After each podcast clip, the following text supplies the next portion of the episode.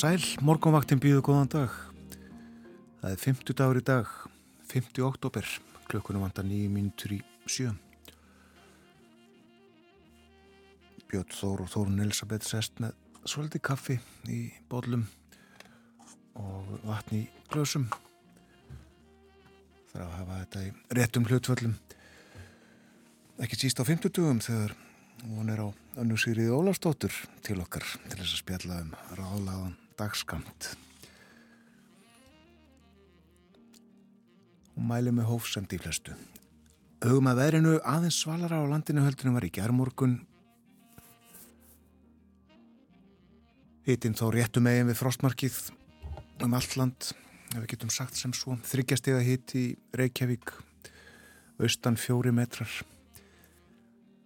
Reyndi þegar við vorum á leðinni snemma í morgun. Þrjárgráður líka á Kvanneri og hægur vindur þar. Fimmstega hitti í Stikkisólmi, nánast logg. Fjóragráður á Patræsfyrði sem og í Bólungavík og vindræðin 7-8 metrar. Fimmstega hitti á Holmavík, þrjárgráður á Blönduósi. Fjórastega hitti við Söðunarsvita, tvær gráður á Akureyri. Ein gráða á Húsavík þryggjastega hiti á Rauvarhöfn. Einstegs hiti bæði á skjaltingstöðum og á eilstöðum, skíjað á eilstöðum. Fimmstega hiti á höfni Hortnafyrði, fjóra gráður á Kvískerjum, fimm stig á Kirkjubæðaklaustri, sekstega hiti á Stórhauða í Vestmanægum og þar er bálkvast, austan 21 metri, fóri 27 metra í mestu kviðu. Fjóra gráður í Árnesi, en á Hálendinu eins, tveggja og þryggjastega frost, þryggjastega frost, sambúðum, tveggjastega frost á Káranjúkum. Og í eh, takti við þetta er eh, hálka eða hálkublettir á fjallögum víðaðum landið. Og uh, það hefur verið gefin út aðtjóðasemt, það er ekki viðvörun í neinum lit en aðtjóðasemt um að búast má við allkvössum vindstrengjum síðst á landinu fram á kvöld meðal vindur 13 til 18 metrar á sekundu og staðbundið geta myndast varasamar aðstæður fyrir þau aukutæki sem eru viðkomist fyrir vindi, engum í mýrdal og undan öræfum. En spáinn hljómar annars þannig að það verði austan 5 til 13 metrar á sekundu. Stökuskúrir eða jél norðan og austanlands, regning öðru kóru á söður og vesturlandi en stittir upp þar síðdeis og hitin í dag 2-9 stig mildast á Suðurlandi. Það lægir víða á morgun og byrtir upp en stökuskúrir eða jél með söður og austur ströndinni. Hiti 1-7 stig á morgun og fristir allvíða annarkvöld. Hiti breytist svo lítið á lögardag. Þá verður hægur vindur breytilega átt 3-8 og víða létt skíjað en skíjað og sumstaðar dáli til væta á Vesturlandi. Svo við klárum helgina þá gengur í söðvestan 8 til 13 og sunnudag og þyknar upp á vestanverðu landinu með súlt og rigningu. Það verður hægari vindur og létt skíjað austan til og hlínar heldur í veðri. Hitin 3 til 8 stig síðdeis á sunnudag. Getum þess að uh, ekki verður frá með klukka nýju í dag og framöndi kvöld uh, hægt að fara hefðbunda leið uh, af Reykjanesbröðinni til Grindavíkur og hinn áttina sömu leiðis. Grindavíkur vegi verður lokað frá Norðurljósavegi. Það verður hægt að aka um Norðurljósaveg en á hann er ekið af Grindavíkuvegi og út fyrir bláa lónið ef svo má segja. Og komið annar staðar inn til Grindavíkur. Þetta verður allt saman vel mert fólk kemst þarna á milli sem sagt en bara ekki ekki hefðbundnu leiðina. Og þessi lókun stendur frá nýju til sjú í kvöld. Það er ímislegt á dagskrá morgumáttarinn er í dag. Og nefnum það hér að eh, Bói Ágússon verður með okkur hálf áttasest þá í heimsklukan Anna Sigriður Ólafsdóttir líka á sínum stað profesor í næringafræði og uh, svo ætlum við að tala um uh, lífið í landinu. Byggðirnar í landinu fyrir um betur yfir þetta á eftir. En uh, hlustum á Dolly Parton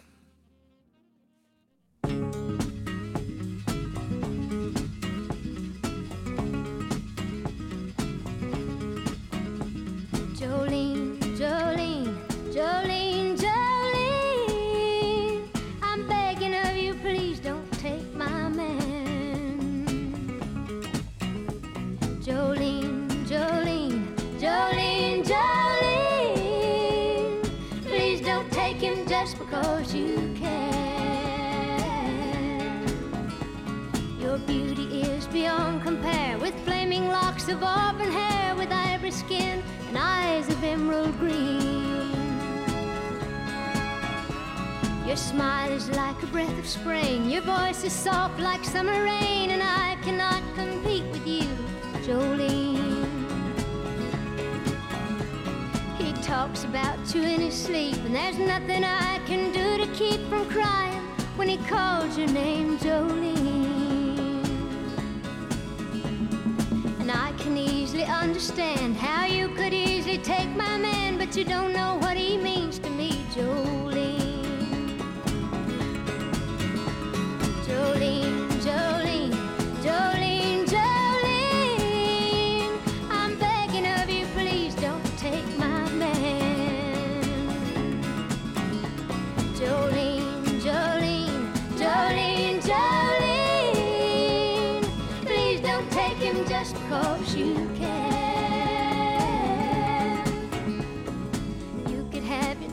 Of men, but I could never love again. He's the only one for me, Jolene.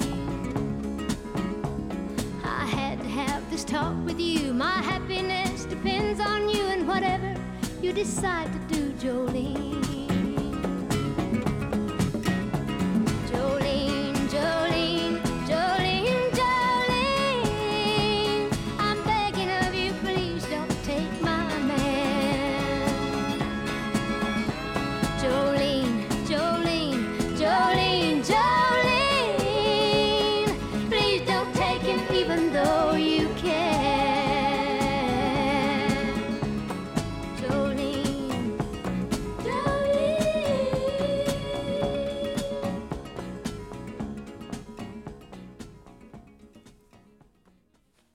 Dolly Parton flutti í lagið sitt Jolene, kom út fyrir 50 árum, haustið 1973 og uh, er eitt af hennar allra vinsælustu, sami mörg lögum æfina, mörg uh, vinsæl lög.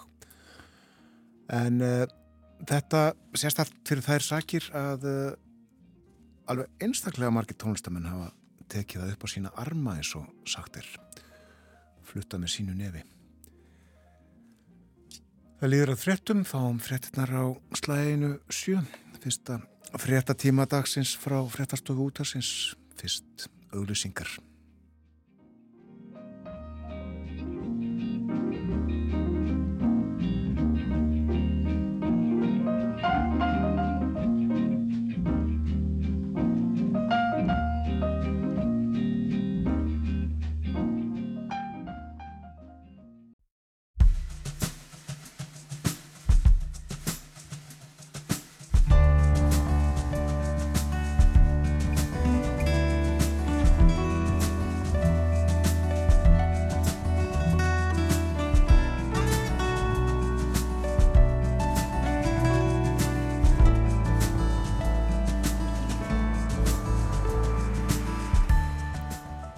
Góðan dag, morgunvaktin helsar 5. daginn 5. oktober. Umsjónumenn þáttarins eru Björn Þó Sigbjörnsson og Þórun Elisabeth Bóadóttir. Það er ímislegt á daskra hjá okkur þennan morgunin. Bói Ágússon sest við heimsklukkan klukkan hálf átta og flettir að þessu sinni sögubókunum. 80 ár eru um þessar myndir frá því að fjölda gýðinga í Danmörku tókst að sleppa undan nazistum yfir til Svíþjóðar. Við rifjum þetta upp og heyrum brot úr dönskum þætti um flóttan og úr viðtali við mann sem var í hópnum. Konur sinna meiri hluta heimilisverka, samkvæmt nýjum þjóðapúlsi Gallup. Þar á meðal er ábyrðin á því að kaupa í matinn, elda hann og ganga frá honum. Anna Sigriður Ólafsdóttir, professor í næringafræði, kemur til okkar með ráðlaðan dagskamt eftir morgunfréttinnar klukkan átta og ætlar að ræða um þessi mál, um matarhegðun og áhrifin af álægi og stressi. Og hjónin Auðurvala Gunnarsdóttir Íþróttakennari og Helgi Sigursson Tannleiknir hafa undanfærin ár tekið þátt í uppbyggingu og borgarferði Eistri og stofna þar tvö fyrirtæki. Þau tóku þátt í verkefninu Brótættar byggðir og síðar í dag segja þau frá reynslusinni á tíu ára afmælis málþingi þess verkefnis. Við heyrum meira af þessu í síðasta hluta þáttarins. Svo hlustum við á hljómana frá Keflavík, meira en það á eftir. En uh, það verður austanátt á landinu í dag, vindræðin víðast hvar 5-13 metrar, kvassara í vindstrengjum síðust á landinu. Það verða stöku skúrir eða jél, norðan og austanlands og ryggning öðru kvoru á söður og vesturlandi. Stittir upp á söður og vesturlandi síðdeis og hitin frá tveimur stegum að nýju, einna mildast á söðurlandi og á morgun þá mun læja við það og byrta upp eh, stöku skúrir þó eða jél með suður og austuströndinni kólnar örlítið á morgun hitin þá 1-7 stig og annarkvöld mun frista all við það og uh, það er vist læðir suður að landinu sem að stýra veðrinu hjá okkur í dag En uh, það var fjallaðum veðrið í fréttatímanum hér áðan, uh, septembermánuður, uh, aldrei verið jafn hlýr á jörðinni frá því að mælingar hófust, meðal hiti 16 gráður eitthvað soliðis. Hér á Íslandi var hitin í septembermánuði hins vegar bara við meðalag árana 1991 til 2020. Það likur sannsagt fyrir eh, tíðafars yfirlitið fyrir septembermánuð á vef, veðustofunar. Já, hitin í nýliðnum september nærri meðalagi. Úrkoma hins vegar yfir meðalagi á mest öllu landinu og eh, reyfið er upp mikla vassveðrið sem að gerði á östfjörðum Norðurlandi og á norðamörðum vestfjörðakjálkanum þarna 18. og 19. september. En meðalhittin í Reykjavík í septembermánuði var 8,6 stig en á Akureyri var meðalhittin 7,9 stig. Í Stikisholmi var eh, meðalhittin 8 stig slett og 8,6 stig á höfni Hortnafyrði.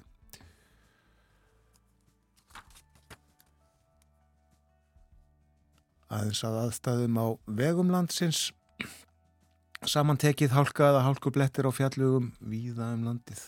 Og uh, hálkublettir og snjókoma á helliseiði klukkan hálf sjö segir í, í nánari greiningu á þessu. Hálkublettir á Steingrimsfjörðarheiði Haldán Mikladal á Dynendisheiði og á Þorskafjörðarheiði fyrir vestan. Það eru hálkublettir á Öksnadalsheiði og snjóþekja á helliseiði Ístri hálka á Sandvíkurheiði og á Möðrudalsörafum hálkublettir á Mývarsörafum og það er fjár, hálka á Fjardarheiði og á Mjóafjardarheiði hálkublettir á Fagradal. Og uh, svo nefnum við það aftur sem við nefndum hér áðan að uh, Grindavíkuvegi verður lokað á stórum hluta klukka nýju í dag en hjáleið frá Grindavíkur bæ eða milli Grindavíkur bæjar og uh, á þjóðveginn sem liggur að Reykjanesbrutinni opinn. Og uh, allir komast leiða sinnar en uh, aksturinn tekur aðeins lengri tíma en vanalega.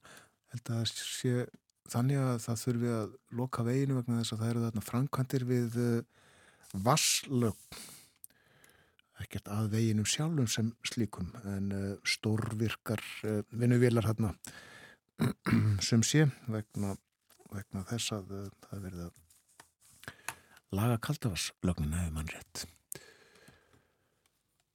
Þetta var svona það helsta af aðstæðum í landinu þennan morgunin við lítum í blöðin og uh, nefnum fyrst að það eru falleg höstlítamynd á fórsíðu morgunblæðsins tekin í Elliðardalri Reykjavík. Höstlítadýrðin er engu lík, segir hér. Svo er hér sagt frá því að eh, matfala eftirlit, heilbriðis eftirlits Reykjavíkuborgar lagði í síðustu viku halda á nokkur tonn af matvælum sem geimt voru við óheilnæmar aðstæður. Um er að ræða alls konar tegundi matvæla, allt frá sósum og annars konar kælifuru að þurfuru og kjöti. Og það er rætt hér við frangandastjóra heilbriðis eftirlitsins og líka deildastjóra matfala eftirlits þess. Og uh, þess að málið fordamalust og einstakt. Og uh, það er nú svo sem litlar upplýsingar að fá hjá þessum mönnum. Ekkit uh, hvar þetta var eða hvað þetta nákvæmlega var eða hvers vegna þetta var þetta var þarna. Þá eftir að skoða þetta allt saman. Og verður áhugavert að heyra frekari frásagnir af þessu og útskýringar. Bændablaði kemur út í dag og uh, hér er á fórsíðu mynd af uh, mönnum og hrossum. En lögskóla rétt, það var rétt að þar um síðustu helgi í blíðskapar veðri voru reikinn til réttar um 400 hross. Og það er talið að rúmlega 500 manns hafi farið ríðandi inn Kolbensdal og tekið þátt í smölun hrossa sem að reikinn voru niður til löfskálaréttar.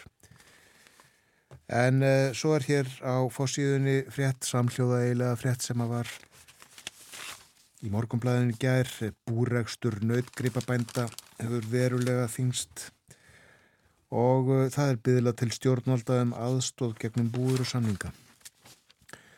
Korn uppskýra misjöfn, segir inni í blæðinu, vextir, sligabændur, annar staðar. Mingaræktinn verð skinna mjög lágt og uh, áfram er flett dræmveiði í lagsveiði á og uh, Kornræktin hún fær uh, tæpar 200 miljónir á næsta ári í styrki og uh, það eru áhyggjur af uh, nýliðun í bændastjætt á Norðurlöndunum öllum. Landsamband veðurfélaga vil banna sjókvíja eldi og svo framvegis ímislegt læsilegt í bændablaðinu þetta. Förum þá aðeins til útlanda og byrjum á að nefna það sem við nefndum hér áðan með hlýjindi í september. Það er fjallaðum þau á eh, fórsíðunni á politíkan í Danmörku og víðar en uh, þar er fjallaðum þessa, þessar mælingar líka fjallaðum þetta í breskum blöðum og uh, sagt á flestum stöðum að vísendamenn séu reynlega hissa Eh, á fórsíðun og politíkan er talað um að þeir hafi mist höguna í gólfið. Þetta sé uh, svo, þetta séu svo ofbóstlegar tölur. Uh, september var uh, 0,5 gráðum á Celsius hlýrri heldur en síðasti síðasta met sagt, í september. Um, og 1,8 gráðu hlýri heldur en þessi viðmið fyrir sem að meða þeir við þegar talaður um að það er að halda hlínuninni innan við eina og halva gráðu september hlína um 1,8 og uh, það er fjallaðan þetta já víða uh, þessi uh, þessar upplýsingar, þessar tölur frá evrópskum og japanskum vísindamönnum sem að staðfesta þetta mikla, þessa miklu hækkun. Og uh, fjallaðum að þetta sé uh, afliðing af útblæstri áframhaldandi auknum útblæstri og því að ekki sé að verða að taka nægilega á málum. Haft eftir einum um, vísindamanninum í, í Guardian. Hann segir á ennsku að þetta sé september var uh, algjörlega og svo segir hann gob smackingly bananas. Þetta var bara algjörlega keksruglað. Og uh, þessu kannski tengt má nefna að uh, það uh, mæltist svo sterkur vindur í uh, fellibill í Tæfan að um, mælitækin eðalöðust. Þetta er þriðji uh, sterkasti vindgustur sem að nokkuð tíman hefur uh, mælst. Sagt frá þessu líka í, í Guardian í dag. En já, uh, loftslagsmálinn til umfyllunar á fórsíðun og politíkan. Á fórsíðun og informasjón sem líka kemur út í Danmörku er fjallið um ákall 23 samtaka í Danmörku sem að byðla til stjórnvalda um að gera meira til þess að koma í veg fyrir það að börn uh, lifi í fátækt. Geriði meira, um, segja þau í brefi til stjórnvalda í Danmörku. Sænsku dagblöðin uh, fjalla töluvert um uh, NATO, NATO aðvild svíja á svenska dagblæðit er mynd á forsýðunni af Tobias Billström, utaríkisráð þeirra sem að gerir ráð fyrir því að Tyrkir segja já við aðvild svíja að Allandsháfsbandalæginu í oktober og segist ekki að hafa fengið merki eða, eða vísbendingar um neitt annað. Nú á fórsíðun á dagins nýheter er fjallaðum um, þessi mál líka og það að öryggis og vartarmál svíja séu í svona óvissu en líka fjallaðum það að uh, fjallaðum Nobel-svalunin uh, í bókmentum. Það er verið að aðfenda þessi velun eitt af öðru. Í bresku fjölmjölunum þá er fjallaðum Rissi Súnak. Við töluðum á mánudagin við Sigrúnu Davísdóttur vegna þess að nú eru landsting eh, bresku flokkana í gangi eitt af öðru og eh, í gæðir þá held Rissi Súnak fórsettisráð þeirra og formaður í heldsflokksins sína stóru ræðu og eh, myndir af honum á flestum fórsjónum. Hann ætlar að uh, mála sjálfan sig upp sem uh, uh, frambjóðanda breytinga. Hann vilji breyta til á meðan að verkamannaflokkurinn og Kýr Starmer séu þeir sem að muni viðhalda óbreyttu ástandi um, talaði um alls konar mál í þessu samhengi en það sem að verðist hafa yfirskikt uh, flest annað sem hann sagði var það að hann ákvað og að uh, hætta byggingu á svona háhraða lestarlínu sem nefnist HS2 High Speed tveir sem átti að fara upp til Manchester og forverar hans í íhaldsfloknum og í fórsettirsháðarstólunum hefðu komið á laginnar og strax hefur David Cameron forverið hans sagt að þetta sé raunga ákverðin að taka hann ekki að, hefði ekki átt að gera þetta. Og uh, rétt að lókum þá uh, hafa bandaríkjumenn sendt 1,1 miljón bissukúluna Við rættum um það í gæra að það væru skotvopnið eða skotfæri að verða búinn í Úkrænu og bandaríkin sendu þennan fjölda byssukúla sem voru gerðar upptakar í Íran í fyrra fá nú uh, já, verða sendar til Úkrænu Segjum þetta gott af erlendum fréttum í byli en uh, minnum á að Bói Ágússon sest við heimsklukkan eftir uh, tæpar tíu myndur eða rúmar tíu myndur. Og við setjum uh, lag með hljómum á fónin.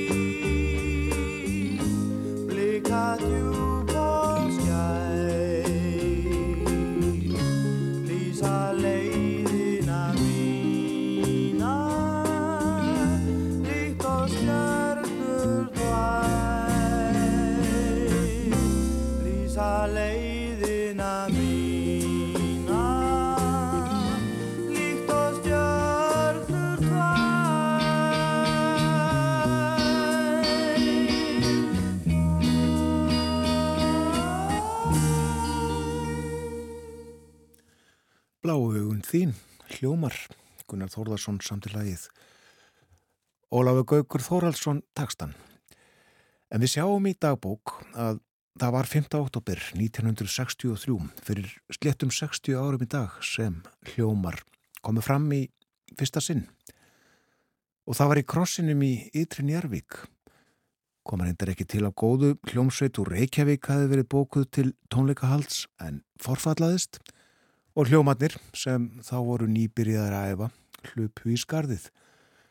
Og hljóma skipuðu þá Gunnar Þórðarsson og Erlingu Björnsson sem báðir leku á gítar, Rúnar Júliusson leku á bassa, trommarinn Egert Kristinsson var þarna og Einar Júliusson söngvari. Og svo saga var sögð á sínum tíma og er enn sögð að við fyrstu kunni Rúnar lítið að leika á bassan. Og á fyrstu hljómleikunum, þarna í krossinum, 5. oktober 1963, þá snýri Rúnar ekki að áhörfundum í salnum, heldur að Gunnari sem að sá hann um hvaða hljóma hann ætti að spila. Gerði það hljóm af hljómi. En fyrstu merki í dagblöðunum um tilveru hljóma sínast mér vera í morgumblæðinu 30. november þetta sama ár, 1963. Það er auglýstur dansleikur í Alþjóðuhúsinu í Hafnafyrði. Hljómar og Karl frá Keflavík leika og syngja. Karl var Karl Hermansson sem að tekin var við söngnum af Einar júl. Og setna hætti Karl og Engilbert Jensen var söngvari og trimbill. Hann var tvekja manna maki. Rúnar og Gunnar sungu líka. En það var margt að breytast þegar hljómatir komið fram. Hálft ár var liðið frá útkomu fyrstu plötu Bílana sem æskan á Östurlöndum tók opnum örmum aldelis fólk hafði ekki hýrt hann aðeins.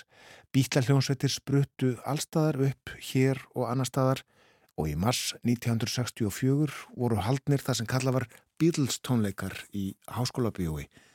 Nokkra hljónsveitir spiluðu en hljómar slói í gegn þeir trilltu líðin.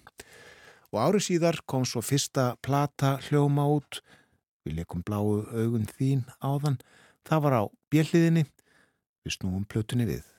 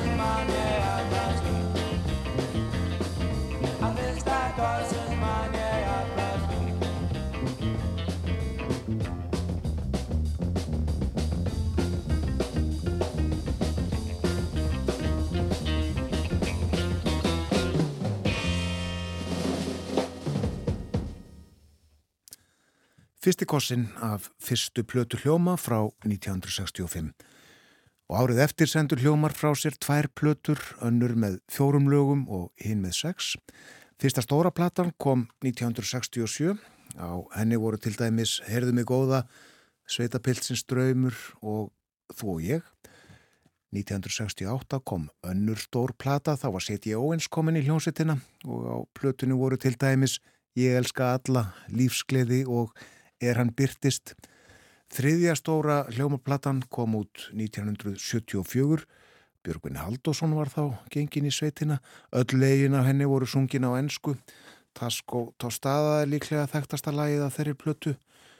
1978 kom út Sapplata með nokkrum af vinsalustu lögum sveitarinnar og aftur kom út Sapplata tíu árum síðar. 2003 dróð svo til tíðinda. Hljómar frá Keflavík sendu frá sér plötu með nýjum lögum. Við þekkjum best við saman og Mývasveitin er æði. Síðan enda lagið leiku við hér á morgunmaktinni áður en klukkan slæri nýju. Við erum að rifja þetta upp vegna þess að uh, í dag eru akkurat 60 ár frá því að uh, hljómar frá Keflavík komu fyrst fram ofinberlega stoppdagur hljómsættarinnar í raun miðaður við þau tímamót. Fyrstu hljómleikarnir voru í krossinum í Ytrin Jærvík og uh, þennan sama dag, daginn sem að hljómarnir leku í fyrsta sinn Þá gengu í hjónaband þau Emilia Súsanna Emilsdóttir og Reyðar Þórhalsson, það er sagt frá því morgumblæðinu í dag og þeim árnað heitla, þau eiga demansbrúðköp hjónaband þeirra jafn gamalt hljómum frá Keflavík. Uh...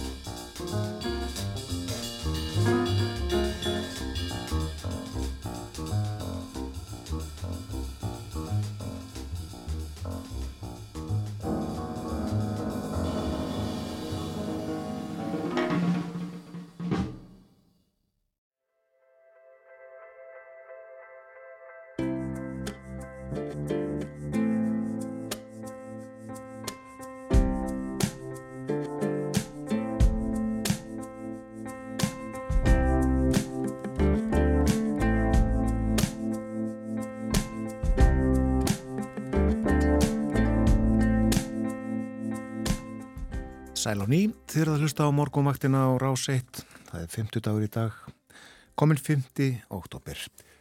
Klukka núna réttliðilega halv átta. Bói Ágússon er að koma sér fyrir við borði hjá okkur, uh, sest er að, er að já, tilla sér við heimsklukan rétt áður en að við hefum okkar spjall þá ætlum ég að fara yfir veðurhorfur dagsins. Það verður austanátt á landinu í dag, uh, 5-13 metrar á sekundu víðast hvar, kvassara í vindstrengjum síðst á landinu. Stöku skúrir eða jél norðan og austalands, regning öðru kvoru á söður og vesturlandi en stittir þar upp sítegis. Og hitti í dag 2-9 stig mildast á söðurlandi. Horfur dagsins. Góðan dag, Bói Ágússon. Góðan dag. En svo ég nefndum í kynningu hér fyrir morgun þá tökum við fram sögubækurnar í dag. Já, við ætlum að gera það því að eh, um þessa myndir eru 80 ár frá því að þjóðverið er alltaf að handtakalla gíninga í Damasku flytja í fangabúður. Langflestin er að tókst að komast undan og flýja allir svíþjóðar. Það eru miklar dramatíska sögur af þessu og ég bendi þeim sem að vilja að fræðast nánar um þetta á eh, þætti, tvo þætti veru ílluga dóttur í ljósi sögunar þar sem að hún eh, fjallar um þetta á sinn einstaka hátt og við, við, við ræðum þetta kannski aðeins, aðeins önnur aðtrið eitthvað, eitthvað þessu svona samhengisins vegna verðum við að, verðum við að tvítaka með það sem þeir hafi sagt en, en um, Það fjallaðið um þetta í, í Danmörku? Já, það er fjallaðið um þetta talsvert í, í Danmörku það hafi verið nokkur þættir að undanförnu þar sem að Þessa er minnst og það sem að rættu verið við uh, fólk sem að uh, þessi segir ekki allir nýjir, það er mjög fáir eftirlifandi af þeim sem að uh, komust af og við heyrum raunar í einum sem að tengist Íslandi í nánum böndum svona undir lók þessa spjall sem við skulum byrja á því að heyra upphaf þáttar sem að Damarsradio síndi til þessa fjallan þessa atbyrðing. I alle tysk besatte lande isolerede og deporterede man systematisk jødiske borgere til de nazistiske koncentrationslejre. Men Danmark var en undtagelse indtil oktober 1943. Hvad skete der i de dramatiske døgn i begyndelsen af oktober 1943? Hvordan føltes det dengang at skulle flygte fra fædrelandet Danmark uden vidshed om, hvad fremtiden ville bringe? Det fortæller nogle af de sidste overlevende danskere om, der på tætteste hold oplevede flugten i oktober 1943. Þarna var sagt þjóðverjar einangruð alla gýðinga í löndum sem þeir hersáttu og fluttu úr landi í fangabúðin násista. Danmörk var undantekning þanga til í oktober 1943. Hvað gerðist á þessum dramatísku dögum í byrjun oktober 1943? Hvernig fannst fólki að flytja frá föðurlandinu Danmörku án þess að fá að vita hvað framtíðin bæri í skauti sér? Í þessum þætti ætlum við að heyr, heyrum við frá nokkurnu sem upplýðuð flótta gýningana í oktober 1943. Mm. Þetta var sérstaklega það sem að danski þurfurinn var að segja þarna. Nú, hverstags lífið eftir, sko, það er að vita það flestir að, að her, þjóður er hernámu Danmörsku í april eh, 1940.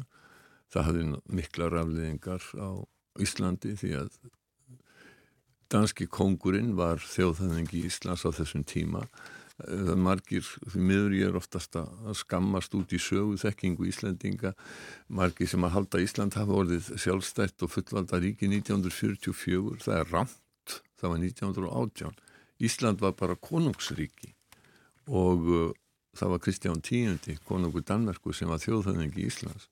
En eðlum áttið samkvæmt þegar að þjóðhæðingin er einangraður í uh, hersetnu landi og að maður tala ekki um viku, nei mánuði setna þegar breytar herrnámi í Ísland að þess vegna skipa, Sveit Björnsson skipaður ríkistjóri uh, á Íslandi, þess að staðgengil konungs En hverstastlífið, eh, það gekk eiginlega sinn manna gangir það ekki Danmarku svona framann af? Jú, það gerir það. Danir gáðust strax upp en það áttuður enga möguleika á að verjast. Stjórnin satt áfram og hún vann með hernámsliðinu. Þjóðverjum var mjög í mun að halda ró og friði og spekt í Danmörku, ekki stefna landbúnaðar útflutningi sérstaklega frá Danmörku til Þískarnas í hættu. Þess vegna letu þjóðverðar danska gýninga í fríði allt fram í september 1943 og þetta er lungu eftir að þeir eru farnir að ofsækja á myrða gýninga í öðrum löndum sem þeir hersáttu um, en uh, og, og það má, má ríða þetta er eins nokkri dagar frá því að þess var minnst í Úkrænu að þjóðverðar myrstu meirinn 30.000 gýðinga í kænugarði í, í fjöldamorðum sem kendur við Babi Jár Babijarir gíli í borginni. Og þetta var strax 1941 fáum vikum eftir að eh, kænugarður að Kíf var hernuminn og það er talið að nazista hafi myrst þarna alltaf 150.000 manns á þessum stað á meðan þeir hersáttu Kíf En þeir letu uh, gýðinga í Danmörku í friði? Já, þeir gerðu það. Um, uh, sko það er ekkert óskaplega margi gýðingar í Danmörku þegar þetta er og þeir eru ekkert mjög sínilegir í samfélaginu. Þeir, þeir, þeir skilgjöndu sig fyrst og fremst sem Dani. eh, og í þættinu sem við höfum frá í upphafi að það, sem að rætta á þetta danska kynninga sem líðið stríðið af og segir einn viðmælandi að hennar fjölskylda hafi átt vini, hópi gýðinga og kristna, þar hafi aldrei verið munur á og önnur segir að hennar fjölskylda hafi aldrei líðið öðrum sem þau var í óskupvennulegi danir Altså mine forældre kom jo sammen med både jødiske og kristne venner. Så der, der var ikke nogen forskel. Jeg må sige, vi følte os aldrig anderledes på nogen måde. Det var, vi var en helt almindelig dansk familie. Ég sanga þessu sem sagt virði sem að ekki hefur verið litið á gýðingar sem sérstakana aðskilin hópi í Danmörku og dönsku samfélagi. En gýðinga andúð og, og gýðinga haturbói var útbreyttuð þetta í Európu á þessum árum. Var einhvers líku til að dreifa í Danmörku? Jú, jú. Uh, Dani voru ekki lösi við antisemitisma frekar heldur næra Európu þjóður og stjórnvöld settu stránga reglur til að takmarka fjölda þískara gýðinga til dæmi sem að uh, voru á flótta undan nazistum Uh, það voru mjög fáið sem fengu að setja stað í, í Danmörku og en hins vegar stjórnmálamenn um, þeir reyndu markvist að uppræta gýðinga, hattur og rasisma og sögðu að það væri ódanst ekki samræmast dönskum hugsunarhætti mm. Þannig að lang, lang flestir í Danmarku litu á gýðingas bara sem venjulega dani og hluta þjóðarinn voru margir gýðingar í Danmarku? á þessum tíma er þetta um 8000 gýðingar hefði ekkert verið neitt sérstaklega margir í Danmarku það vita um þá fyrstu frá uh, lokum 17. aldar þeir voru kannski ekkert fleiri heldur en svona 2000 framöndu lok 19. aldar þá ferðum að fjölga þá flýðu hundruð þúsunda gýðinga, ég vil miljónir frá Rúslandi og löndum sem að þá tilhyrðu rúsneska keisaradæminu, Pólandi og Íslandsartsríkjónum því að það var, voru miklar ofsóknir, pógrums í gangi þá. Fjöldigiðninga flúði eðlilega og margir fluttið til Bandaríkjana margir til Breitlands og, og svo fór fór til annar ríkja og þar meðal Danmarkur þángað komu nokkur þúsundir það voru þessuna svona talið er um 8000 giðningar þegar þjóðverjar hernámu, hernámu landið og langt flestir er þeirra byggu í köpmanöfnum En hvernig var þetta svo eftir hernámið 1940? Eh, sko danska stjórnir sagði þýskum hernámsiðvöldum að það væri ekkit svo kallat gýðingavandamál í Danmarku og svo var þegjandi samkómulega láta sem minnst bera á gýðingum í samfélaginu blöð forðust að byrta nöpp sem að virtust gýðingleg og gýðingarnir sjálfur passuðu sig svo að þjóðverið fengi ekki ástæðislega að ráðast gegnum. Hanna Skóp sem var einn miðmænunda í þessum þætti, hún sagði á yfirborðinu hefði allt virst með feldu heima fyrir hefði verið augljóst að foreldrar hennar voru óttaslegnir. Alle de her normale dagligdags ting, de fungerede under krigen. Men jeg vil ikke sige, at øh, den hjemlige situation var særlig normal. Altså mine forældre var tydeligvis meget skræmte. Eins og við sögum á hann og þá var eina ástæði þess að eh, Þísku hernáðsíðuvöldin vildi ekki láta til skara skriða gegn danskum kyningum var að þeir vildu halda fríði og spekt til að stefna ekki dansku aturlíf og sérstaklega útlutningi í landbúna var allir Þískarnas í hættu. Í Nóri var allt önnur staða, normenn börðus gegn þjóðverjum og ríkistjórnin Hákon Kongur og, Ólaður Krónprins þeir flýði til Englands þegar þjóðverjum tókst að sigrast á norska hernum. Þar leitu þeir til valda Vítkun Kvistling, leitu á norskra nazistæn í Danmörku var ekki gerð neinn krafa um að danski nazista tæki við stjórn landsins eða tæki þátt í ríkistjórninni. Um, þetta, þessi samvinna hún sveið ímsum dönum sem fannst þetta að vera undirlægi háttur við hernámsliði og svo tilfinning og anstaða við hernámsliðið ógs eftir því sem að gæfan snerist gegn uh, nazistum uh, og þjóðverjum í, í stríðinu. Í ársloku 1942, áspurinn 1943 að þá töpuðu þjóðverjar stóru orustum við El Alamein og, og, og í Stalingrad og bandamenn held áfram að vinna stóra sigra í Túnis og Östuvistöðunum sumari 1943 að gerð innrás uh, í Ítalíu og, og fasistastjórn Mussolini's fellur Þannig að æfleiri danir fóru að komast á þá skoðun að þjóðverið myndu tapast til hennu mm. og óanægi Olga Óks meðal almennings í Danmarku eftir því sem að leiða árið 1943 og þá kom til mikill að verkvalla, átaka og danska ansbytnurhefingin byrjaði að láta þessi kræla. Þjóðverið brúðist við þessu með, með því að setja dansku stjórninni úrslitakosti. Þeir kröðust meðal annars dauðarefsingar fyrir skemdaverk. Þetta er undir lok ágúst 1943 Danska stjórnin hún hafnaði úslitakostunum og þá lístu þjóðverjar yfir því að lístu þeir yfir herlugum og settu dansku stjórnina af afvopnuðu danska herin og uh, það múið svo að segja herrnámsliði það afklæntist silki hönskonum. Já, þarna urðu vatnaskil. Já, þeir og... höfðu áður talað um það að það væri gott að vera í Damasku þísku herrmenni þau töluðu um, um, um rjóma vikstöðunar. Einmitt, já. Og uh, þarna er mitt, þá var komin tími til að handtaka gýðinga í Danmörku, danska gýðinga. Já, Werner Best, landstjóri eða aðstíðumöður þjóðverja í, í Danmörku, hann baðum leifi til aðgerða gegn gýðingum og í loks eftirbyr fyrirskipaði Hitler, hann tök á brottflutning danska gýðinga. Það skildi ráðast til allugu kvöldi 1. oktober sem var förstu dagur, frítafi gýðinga og uh, þar á ekki er þetta er þarna Rosanna uh, nýjásháttíð gýðinga Segð okkur frá þeirri atbyrðar á sem þá fer af stað. Já, hún er dálítið sérstök vegna þess að þjóðverjar láta Dani vita hvað standi fyrir dýrum. Um, Werner Best, þískinarstjórin, hann let Georg Dukvits, samstarsmann sinn vita um fyrirætlaninnar gegn gýðingum. Dukvits var hátsettu þýskur embatismæður, hann aðvaraði hans heðtoft, formandanska jafnamanna og setna fórsættisráð þeirra um, og Hildóft kom og fleiri jafnaðamenn komu aðurinn áfram til leiðtóa gýðingasafnaðarins þar á meðal uh, talaða við Markus Melkjór sem var hafði þá varorðin yfir rabbíni hann létt söpnuð sinn vita og þannig spurðist þetta út meðal gýðinga og svo Uh, þessi Dúkvits var nokkuð merkjulegu maður að mörgu leiti hann uh, hafði tengslu í Danmark hafði búið þarna fyrir stríð og talaði dönsku.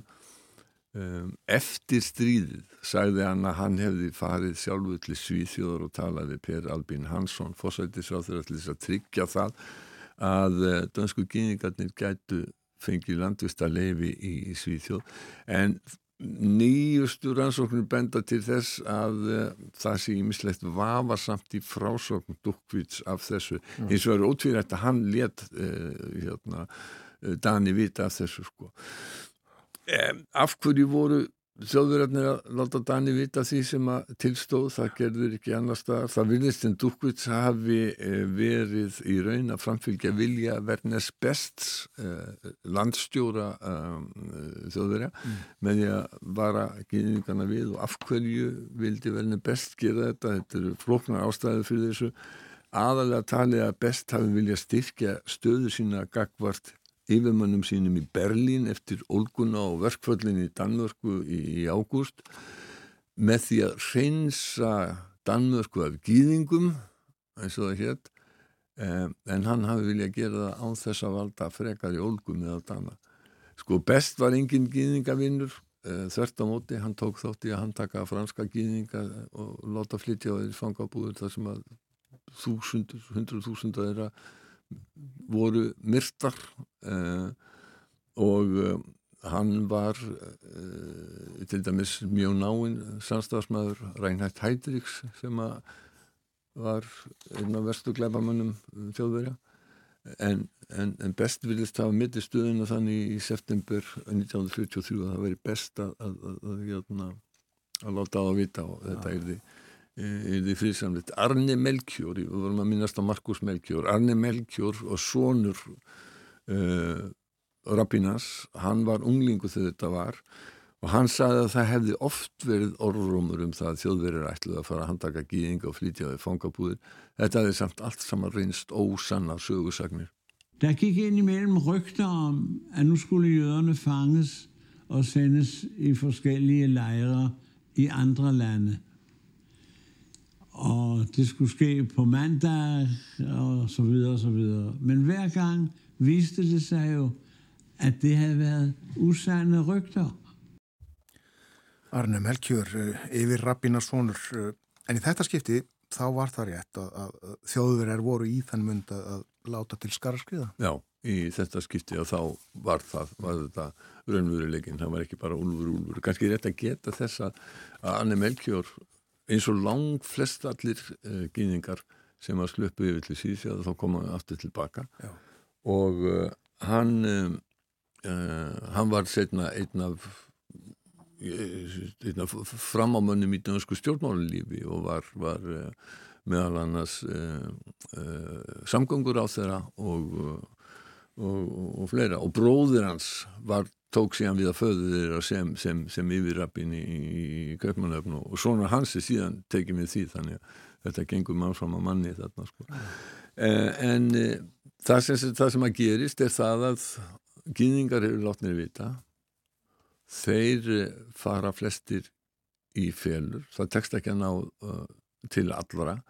Og þjóðurinn tekst að handtaka einhver par hundru þegar þeir láta allir skara skvíða fyrstaðskvöldi 1. oktober en lang flestum tekst að komast í skjól og síðan eru þeir fluttir yfir til Svíþjóðar í smábátum um, það eru bæði hittjusögur og, og minni hittjusögur af þeim flutningi því að sumir uh, bátarsjómen þeir kröfðust morðfjár fyrir að flytja gýðinga yfir til Svíþjóðar meira heldur en að fólk uh, gætt uh, borgað. Ég vísa aftur í, í þessa umfjöldun uh, veru ílva um, um, um þetta í ljósi söguna þar sem hún er með, með, með söguna þessu. En þetta tókst ótrúlega vel samt. Og það var svona eins konar, getum við sagt, samsæri með stærstum hluta dansku þjóðarinnar um það að skjóta skjólsúsi yfir gýðinga og aðstóða til þess að komast yfir.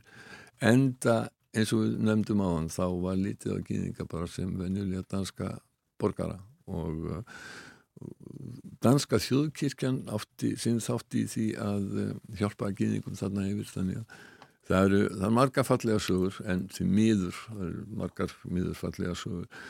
Um, eitt sem að, ég ætla að bæta við þér um, í lókin, þetta snertir Íslendinga mjög vegna þess að einn af þeim sem að uh, flúðu þarna yfir e, rauna 8. oktober uh, 1943 var uh, Hans Rotenborg og Hans Rotenborg var 16 ára gammal þegar þetta var og hann giftist setna íslenskri konu uh, Guðrúnu Sigriði Jakobsdóttur sem var sýstir Svöfu Þós Jakobssonar og Jökuls Jakobssonar og uh, hún Guðrún Sigriður var kallið ditta, hún dó akkurat á þessum degi 5. oktober fyrir, fyrir, fyrir fimm árum síðan. En Hans Rotenborg hann lífir enn 96 ára gammal og uh, sonur Jórunar Daniel Hans Ellensson hann uh, fór og talaði við af sinn í fyrirveitur held ég að hafi verið og þetta er núna orðið partur af, af um, uh, videóm sem að minnilúnen sem er minningalundur í Köpmannahöfn hefur eh, tekið saman um reynsluna úr síðan hinsturöldinu og þar eh, segir eh, eh hans eh, Rotenborg dóttur síni sínum frá þessum flóta og það er náttúrulega alveg eins og, eins og, eins og eh, við má búast það, þar eru gríðarlega dramatíska sögur, þeir fóru í felur, þeim var hjálpað og þeir voru í felum í viku en, en 8. oktober og þá er þeim, er þeim sagt að fara út í einhvern pínulítinn bát sem að eh, að, að, að kvöldlægi við skum heyra östut brota því sem að Hans Rotenborg segir uh, þegar að það kemur uh, einhver lögga og segir sko hýpi ykkur, drifið ykkur, drifið ykkur hérna, þjóðurinn er að koma Vi bliver skubbet ud af en stor hertebred politibetjent som siger, se så at komme afsted for helvede, for tyskerne de er her og så sparker han til båden, så drog jeg ud midt i Pavlebassinet. Svo fór vélinn ekki í gang og uh, sá sem að ofti að vera skipstjóru bátnum vissi ekkert. Hann var aðtunlega bakari en þeim, þeim tekst að komast á stað uh, og uh, bakarinn hann bara uh, sér ljósinn í Malmu og stefnir beint á þau en áttast ekki á því að salthólmunin er á milli þannig að þau stranda við salthólmin og svo þeim að þetta er svo lítill bátur að þau hoppa fyrir borð og ít honum frá og, og uh, halda svo áfram og þar kemur að það kemur einhver stór bátur í, í miskunnu og stoppar þau og þá segir Hans Rotenborg að nú held ég að þetta væri búið Og da vi kommer et eller andet sted ude i, jeg vil skyde på, omtrent midt i, i Øresund, så bliver vi stanset af en stor patruljebåd, sådan en rigtig gammel skåndert. Og så tænkte så, så, var det, så kom vi så langt og ikke længere. Og så hører vi det her, god aften, god aften. Kom, så skulle vi komme ombord. Det var sådan en svensk patruljebåd, og ikke en tysk, heldigvis. En þau, heyrðu þá sem að voru í batnum segja góð afton og það áttu þessi á því að þetta var sænsku varðbáturinn ekki þýskur og þau voru komin þau voru hólpin Hugsaði tilfinninguna sem já. að verstum brjóstum þeirra. Já. Hans Rotenborg gekk raunar í, í danska herrfylkingu, eða herlið sem var myndað í Svíþjóð og sýsternars líka og svo fluttuði aftur til, til Danmarkur að, að stríði loknu en einn af þeim sem að hjálpuði þeim var hétt Jön Staffeld ungum aður, ekki gíðingur sem var í ansbyrnur heimingunni og uh, hann var hins vegar handtekinn og uh, hann lífði stríðið ekki af Nei. Við segjum þetta gott í dag reviðum hér um atbyrði í Danmörku fyrir 8-10 árum þegar geðingar í Danmörku flúðuði til síðþjóðar flúðu undan nazistónum. Takk fyrir í dag Bói Ákusson. Takk fyrir mig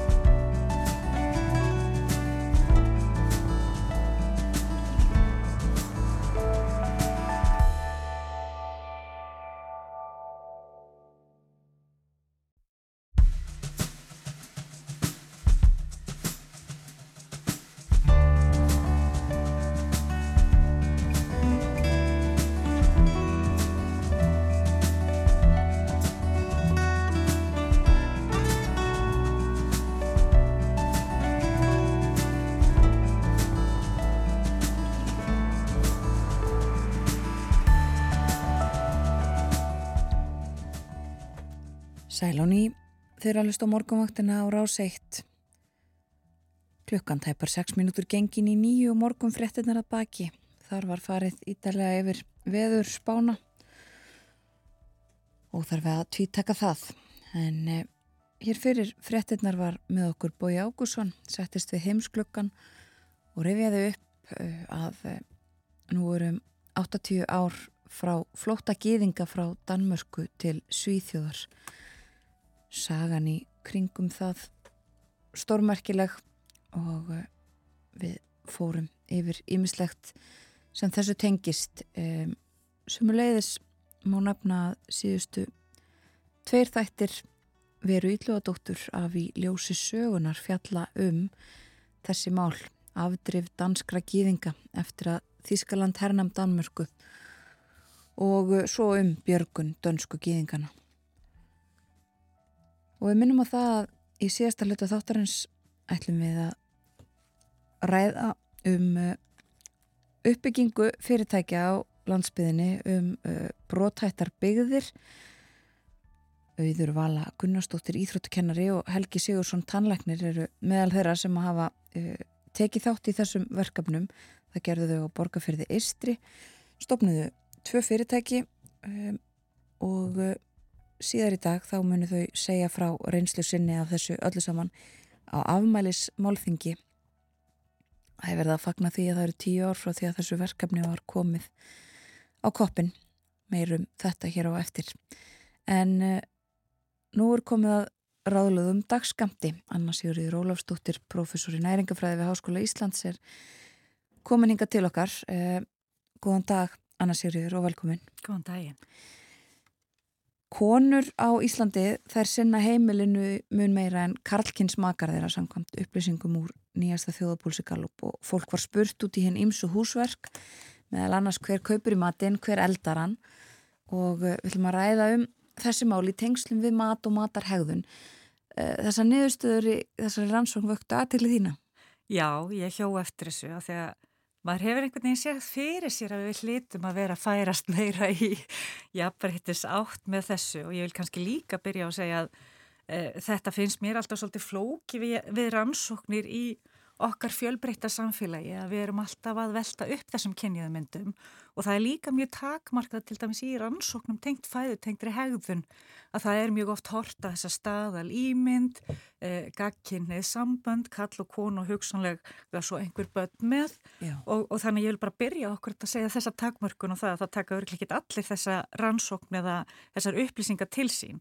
En það eru einhverja síður sko ótrúlega forvitnilegar og það að tveir þriðju hvenna segist sinna meira hluta heimilistarfa og maður kallar upplifa þetta sem miklu jafnara og þetta sem að svona í raun og veru fjekk svolítið á mig. Og, þarna, og þá kemur í ljós okkur að sko e, tæmlega 60% af konunum segast vera þær sem almennt eldið að undibúi matinn 53% kaupi matinn. E, það er samt hæra heldur en kallarni segja Svo er einhvern veginn orðið jafnar að þessu upplifin í tengslan við uppvaskið og kallarnir eiga vinningin í að fara út með rusli. Já. Og þá fór ég nú bara að velta fyrir mig sko lífrænu tönnunni hvort hún hefði verið tekin með í reikningin. Ah, það hlýttur að kalla á fleiri ferðir og þá kannski jafnast þetta eitthvað út. En, en þetta sýnir líka sko á svo mikinn hátt hvað matar tímin og það að gefa sér tíma í mat er ótrúlega flókið fyrirbær og mikil rútína sem kallar á í raun og fjöldamörg skref. Já. Þegar þarna er ekki búið að tala svo líka um sko að leggja borðið, frágangin, sjá þess að börnin borði, hugsa hvað er á matseðlinum, eru sérþarfir og svo bara hvað ég gera frá, að, við afganguna? Á ég að ganga frá þeim, ætla ég að henda þeim? Hvernig ætla ég að nýta það aftur? Og þarna er þá líka komið sko sjálfbærið hugsun sem líka er dæmi sem er svolítið kynjað í rannsóknum. Þannig að þarna, mér finnst þetta er einu orði sko og, og þetta er það sem við sjáum svolítið líka og mér langar til í því dæmi sko annars verður að horfa á rannsóknir en svo eins og í nærnast og njótum þáttunum sem við vorum með hérna á Rúfu er ennþá aðgengilegir í sarpnum.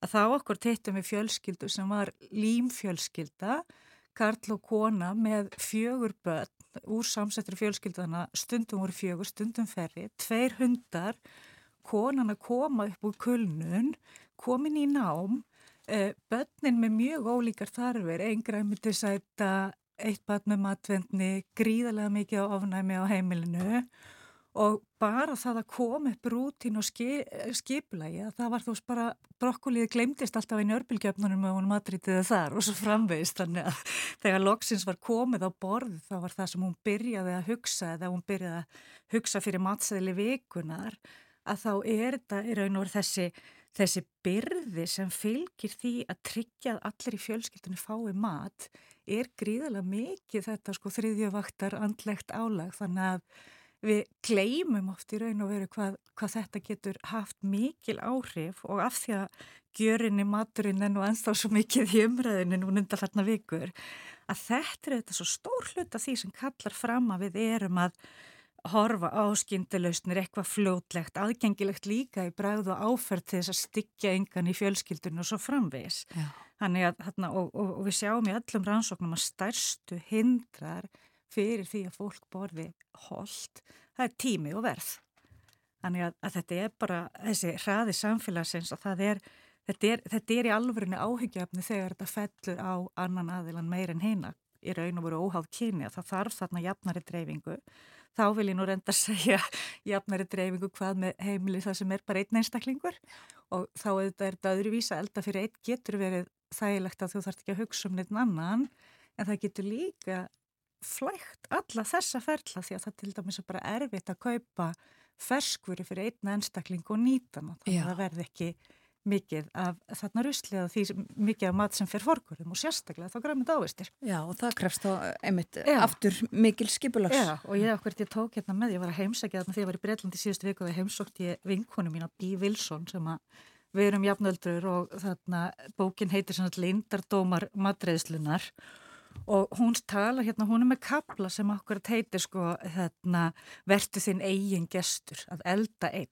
Og talar þá líka um þetta sko kaupa einu sinni matinn borða í þrjádaga og það getur verið rosa gaman að borða afganga kannski einn dag en borða sama matinn í fjóra dagar sjálfur ræðilegt Já. þannig að þetta aðskipilegja sig. Og svo okkur þetta að hún skilur fyrir nokkrum árum síðan og það eiga börn aðra hverja viku flækust í þarna í hvað áttu að eiga, hvernig áttu að setja upp ískápin, eh, leiðist þér að borða einn, þar að segja, er, það, er, er, er þú góður félagskapur? Af því að mjög marg okkar eru þessar svona félagssætur eða sósialítur, eða er þetta þannig að það verði til þess að þú hættir að sinna eigin í raun og svona fæðutengri heilsu af því að þetta verði bara íþingjandi einmannalegt flókið og svo framvegs. Já. Þannig að þetta eru, sko, já, mér finnst alltaf svo heitlandi í raun og veru hvað það að borða er ætti að vera sjálfsagt en það eru miklu sko, mörg flækjustig sem við hugsum alls ekki út dag frá dagi og skiljum svo ekkit að við séum þreytið að þetta gangi ekkit alveg við. Mm. Já, einmitt, að því við verðum auðvitað að borða og við kannski gleymum Já. þá öllu þessu en, en þetta sem þú lýsir og eins með fjölskylduna uh, sem að þið fylgdu eftir, minna, þetta er bara þetta er stór hlut að deginum eiginlega ef það á vel að vera Já, og við vorum akkurat líka heimsóttum eldri konu sem var nýhætt að hérna, vinna og var einn heima og þar dættu öll rútína sem hún hafði af því að hafa mötunit á vinnustad og kaffi með félugunum á, á skrifstofunni vinnunni og svo framvegist. Þannig að mm. þetta, er, þetta var það sem kom okkur á óvart að í raun og verið öllum þáttunum og bara allir sem heimsóttum voru að kljást við þennan vanda. Þetta kristlast, þetta snýst ekki um það og vitur ekkit hvað þú er að borða heldur það flækjustíð í kringum fæðu öflun í sjálfu sér er ótrúlega mikið Já. og rannsóknir sína okkur að líka við verjum er einhverju sífælt minni tíma í öflun fæðu og alla þessa þætti, allan undibúning, þar er einhvern veginn skorið við nögl og þessi helst tímin sem við gefum okkur til að borða en svo hverstas erum við kannski frekar að gleipi okkur matin heldur en eiga einhverja gæða stund við mataborðið. Það að borða við mataborð skiptir líka máli og ég fór líka að hugsa um þetta sko varðandi það ef við kaupum, hver kaupir í matin að þá er til dæmis sko ferða á sjálfstýringu í gegnum búðina eða ertu með safnræðið og nýtu þess að kíkja í hillur og sjá hvað er komið nýtt á markaða því það er svo mikil velta? Og þalla hefur líka verið síðan okkur að sko mjög kynjaða safnara eðli konunar þýðir að hún svona blokki hitt og þetta í körfun og gefi sér góðan tíma svo lengi sem hún er ekki orðin ofstressuð á meðan veiðimadurinn fer bara alltaf í gegn og tekur nákvæmlega sama hendi í rætt í körfun og komin út aftur. Og þá erum við alltaf komin í sko einhæfara fæðuval að því að þetta lendur alltaf aðeins sama þá vantar alla forvitni. Já. Þannig að þetta er svo ótrúlega mikið og þannig breytist svo líka sko nýri rannsóknir sem horfa til dæmis sko hverju velja heimsendingu eða hverjir velja þessar lausnir sem eru komnir þar sem það er keirt heimtíðin ráefnið en og þú farið uppskriftina og þarf bara að fylgja henni. Já. Þá er orðin ábyrð þessara fyrirtæki líka mjög mikil og svo ræst ég á eina greining erkvöldi, ég náði ekki að lesa hana, en það var sem sagt eh, viðhorf til drónasendinga á mat. Það getur breytt mjög miklu. Akkurat, já. Já, en að því að mitt sko, þú nefnir þetta og þetta er auðvitað tími og, og um, verðið líka, en, en við tölum um tíman og álægið sem að leggst á fólki sem þarf að sjá fyrir öllu þessu uh, og þá kemur inn allur tilbúni maturinn og yeah. akkurat þetta líka, það er hægt að fá sendt heim og, og það er svona ímsir kostir í stöðunni fyrir fólk en þeir eru kannski líka mjög misgóður. Já, já, algjörlega og mér finnst sko ákveð setningin hvað er í matin hvernig líður þér þegar bönniðin eða einhver annar á heimilinu segir þetta? Er þetta, byrjar þau bara alveg sko ofanda og, og hugsa hvernig á ég að leysa þetta eða er þetta spennandi spurning? Hanna er, við sjáum mikla breytti þessu og það er líka okkur að það verið sínt sko að streytu tengt átt hjá þeim sem ber alla ábyrðina verður stundum meira. Og þá er kannski þetta það að vera að borða eitthvað rusla meðan það að vera undirbúa máltíðina í staðin fyrir að býða eftir máltíðina því þú ert orðin svo þreytt, þú ert að keira þig áfram. Þannig að þú hefur svo ekki list á matna sem þú varst að búa til og þannig að mataræði þess sem að ber allan þungan af þessu getur vestnað og auðvitað getur það líka hægt áhrif á allir í fjölskyldunni og þannig að Þannig að þessi tókstreita í raun og voru að gera ásættanlega matseðil sem hendar öllum. Þetta er bara, já, þannig að þarna kallar þetta auðvitað á kannski samskipti og það að við horfum á, á þetta saman og, og, og, og dreifum ábyrðinni. Ég vil líka segja hérna þetta þarna að auðvitað eru sumur sem að þetta er ekki alhæfing fyrir mörgum er þetta besta gæðastund sem hægt er og hérna mitt jóka, græmitisjóka, það er að fá að vera í eldi svona skera græmiti niður og þá er meiri sé að gertan með börnunum þó það kalla eins á meira rausl þá erum við þetta fyrirmyndir yngri kynstóða og það sem við gerum í eldhúsinu og einkaupunum og hvernig við plokkum í körfuna getur haft mikið um að segja. Já, Akkurat og svo sko er það þetta mitt, þetta getur verið þessi miklu stressvaldur og það eh, eins og ég nefndi líka alls konar kostur í bóði en það kannski líka ytir bara ennþá meira undir stressið sko markasetningin á þessu öllu og Já. allt þetta dynur á okkur. Já og það er bæði mark og, og sko þannig ofanlag markasetningin er líka kynjuð og þá komum við inn á þessi sko félagslegu viðmið eða social norm og stereotýpur það er samfélagsmiðlar til dæmis íta mjög mikið undir þetta hjá yngra fólki og svo eru þættir eins og hefðir og þessi einstaklings kannski hyggja sem líka kallar á eins og við hefum séð með mathallarnir það er að segja allir eru að borða það sem þeir vilja í staðan fyrir að hugsa um heildarmyndina og, þarna, og, og þetta er sko það hvernig þú til dæmis skilgreinir þig og upplýðir þig þín sjálfsmynd og þá okkur þetta við horfum á fjölbreytileikan í samfélaginu, hinsægin samfélagi, kynsægin og svo framvegis þá hefur það allt ótrúlega mikið, getur haft mikið að segja um það hvernig við veljum að borða. Þegar við erum alltaf einhvern veginn að gefa skilaboð í gegnum matin, við erum að skilgreina okkur sjálfsóldi út frá því hvað við borðum. og þetta er eitthvað sem við þurfum kannski svolítið að vinna í að brjóta einhver svona staðalmyndir í kringum fæðval og öllum fæðu og matagerð og hver eigi að bera ábyrðina því að það er svo mikil valda ebling í því að geta bjarga sér sjálfur og að geta valið samkvæmt eigin þörfum, hvort sem það er aldur, kyn, uh, það að þú stundir íþróttir hefur mismikla uh, orku þörf og svo framvegis. Að við stundum gleymum þáttuna sem eru grundvöldur þess að við þurfum að borða og höfum gaman að borða, það að njóta stundum hverju líka út á myndinni og stundum er hins vegar alltaf mikil áherslu á að njóta.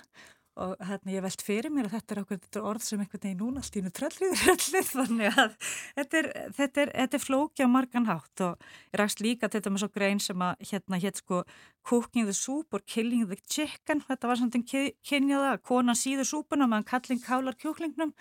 Uh, þið sjáu þetta alveg fyrir ykkur. Sjáum í ótrúlega mörgum rannsóknum konur borða frekar léttmætti og okkur finnst kvennlegt að borða græmit og ávisti okkur finnst kattmannlegt að vera með stóra blóðuga steik. Og þetta er eitthvað sem að maður hefði haldið að nútíminn hefði svolítið eitt út af því að það eru bara ára tuga gamla rannsóknir sem sína þetta. Já. en ég bara sá rannsóknir 2020 eru líka að sjá þetta sama munstur. Og þá er kannski hefðirnar aftur svolítið að tói okkur. Já, þannig að við erum ennþá svolítið bara gammaldags eða sko hefur ekki margt breyst í þessum öfnum. Nei, en svo er náttúrulega gaman að horfa í þessu samhengi á eins og þarna grænkjara, vegan og, og, og grænmetisætur. Já. Að þar er munur svolítið eftir aldri, það er minni, hjá yngra fólki kannski minna kynjuð mynd heldur en hjá þarna eldri kynnslóðum og þarna, og svo er náttúrulega spurning um þetta okkur, ertu, ertu vegan alla leið eða ertu vegan bara nokkra dagi viku? 1990 þá þurftu til dæmis kallmenn á Íslandi að vera með háskólagráðu til að borða grammiti en í dag þá er þetta miklu frekar uh, mentunatengt og svo er okkur þetta sko ertu að horfa á það að borða eitthvað eða ertu að horfa á matrið eitthvað? Og í bandaríkjunum þá er því meira sem kallmaður er mentaður þeim er líklega til þess að fara inn í eldhús og matriða að meðan meiri mentum hvernig dregur úr uh, því að þær hafi ánægi að að elda. Já.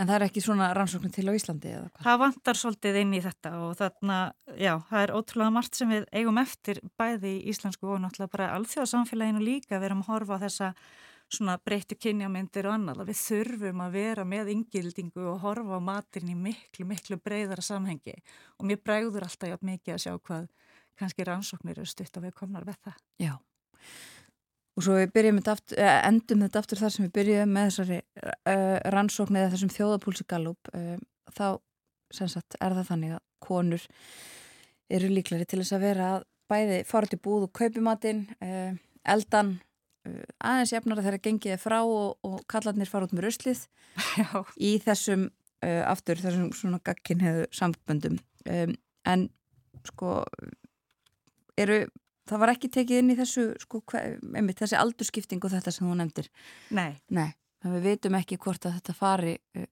batnandi eða verði jafnara Já, ég held sko með að við tölur sem hefur verið talað mikið um tíðin og ég veit að svíjar eru jafnar í þessu heldur en við Íslendingar Já.